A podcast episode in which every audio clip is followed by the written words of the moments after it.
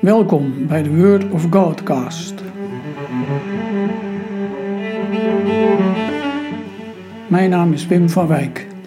In deze podcast hoor je elke aflevering een meditatie over een Bijbeltekst, afsluitend met een kort gebed. Vandaag over de liefde, de grootste van geloof, hoop en liefde. In deze serie over de drie christelijke deugden gaat het nu over liefde. Een mooi thema. Tegelijk roept het vragen op en liggen misverstanden op de loer. Liefde is een leeg woord geworden. Het wordt overal bezongen alsof het voor het grijpen ligt, maar toch, de liefde stelt ook teleur. Het wordt soft ingevuld, als een gevoel dat opkomt en weer weg hebt. Met liefde kom je niet ver als je een bedrijf moet runnen of als je in de politiek iets wil bereiken. En de vraag komt op: hoe verhouden geloof, hoop en liefde zich tot elkaar? Gaat het om een soort drie-eenheid van deze deugden? Hoe kan Paulus de liefde de grootste noemen? 1 Korinthe 13 staat bekend als het hooglied van de liefde.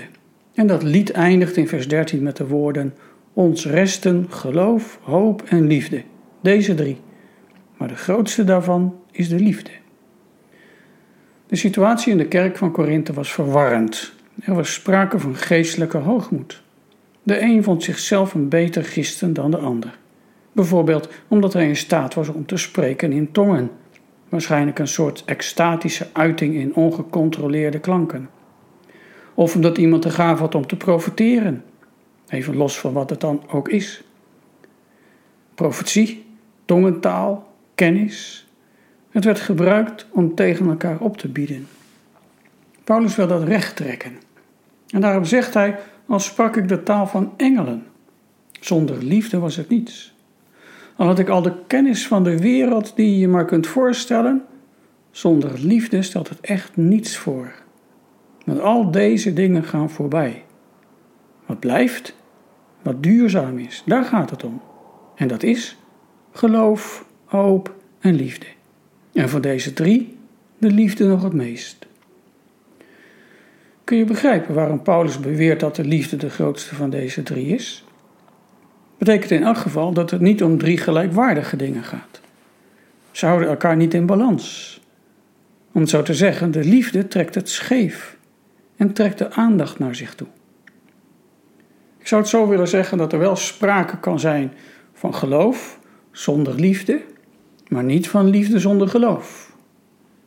In vers 2 lezen we: En al had ik het geloof dat bergen kon verplaatsen, had ik de liefde niet, ik zou niets zijn.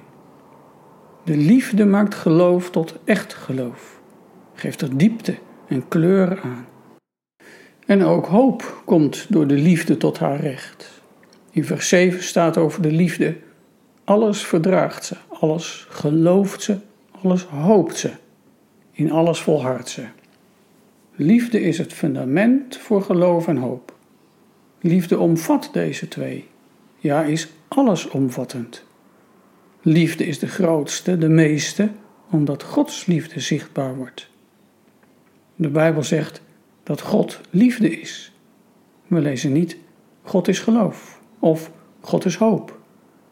Waar liefde wordt gegeven, daar wil God aanwezig zijn. Geloof je kunt niet zonder. Het heeft waarde voor de eeuwigheid. Hoop is onmisbaar, omdat je voor eeuwig je verankering in Christus vindt. De vervulling van geloof en hoop is de liefde. In de christelijke liefde proef je hoe de hemel zich manifesteert, hoe die doordringt in de tijd.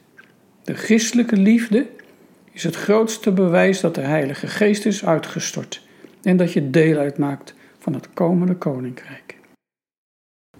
Een vraag voor jou om over na te denken. Hoe ontvang jij Gods liefde? En wat betekent het voor hoe jij met andere mensen omgaat? Gebed. Een couplet uit gezang 481. Wij danken u, o liefde groot, dat Christus is gekomen. Wij hebben in zijn stervensnood uw diepste woord vernomen. Nog klinkt dat woord het spreekt met macht en het wordt overal volbracht. Waar liefde wordt gegeven, wij uit uw liefde leven.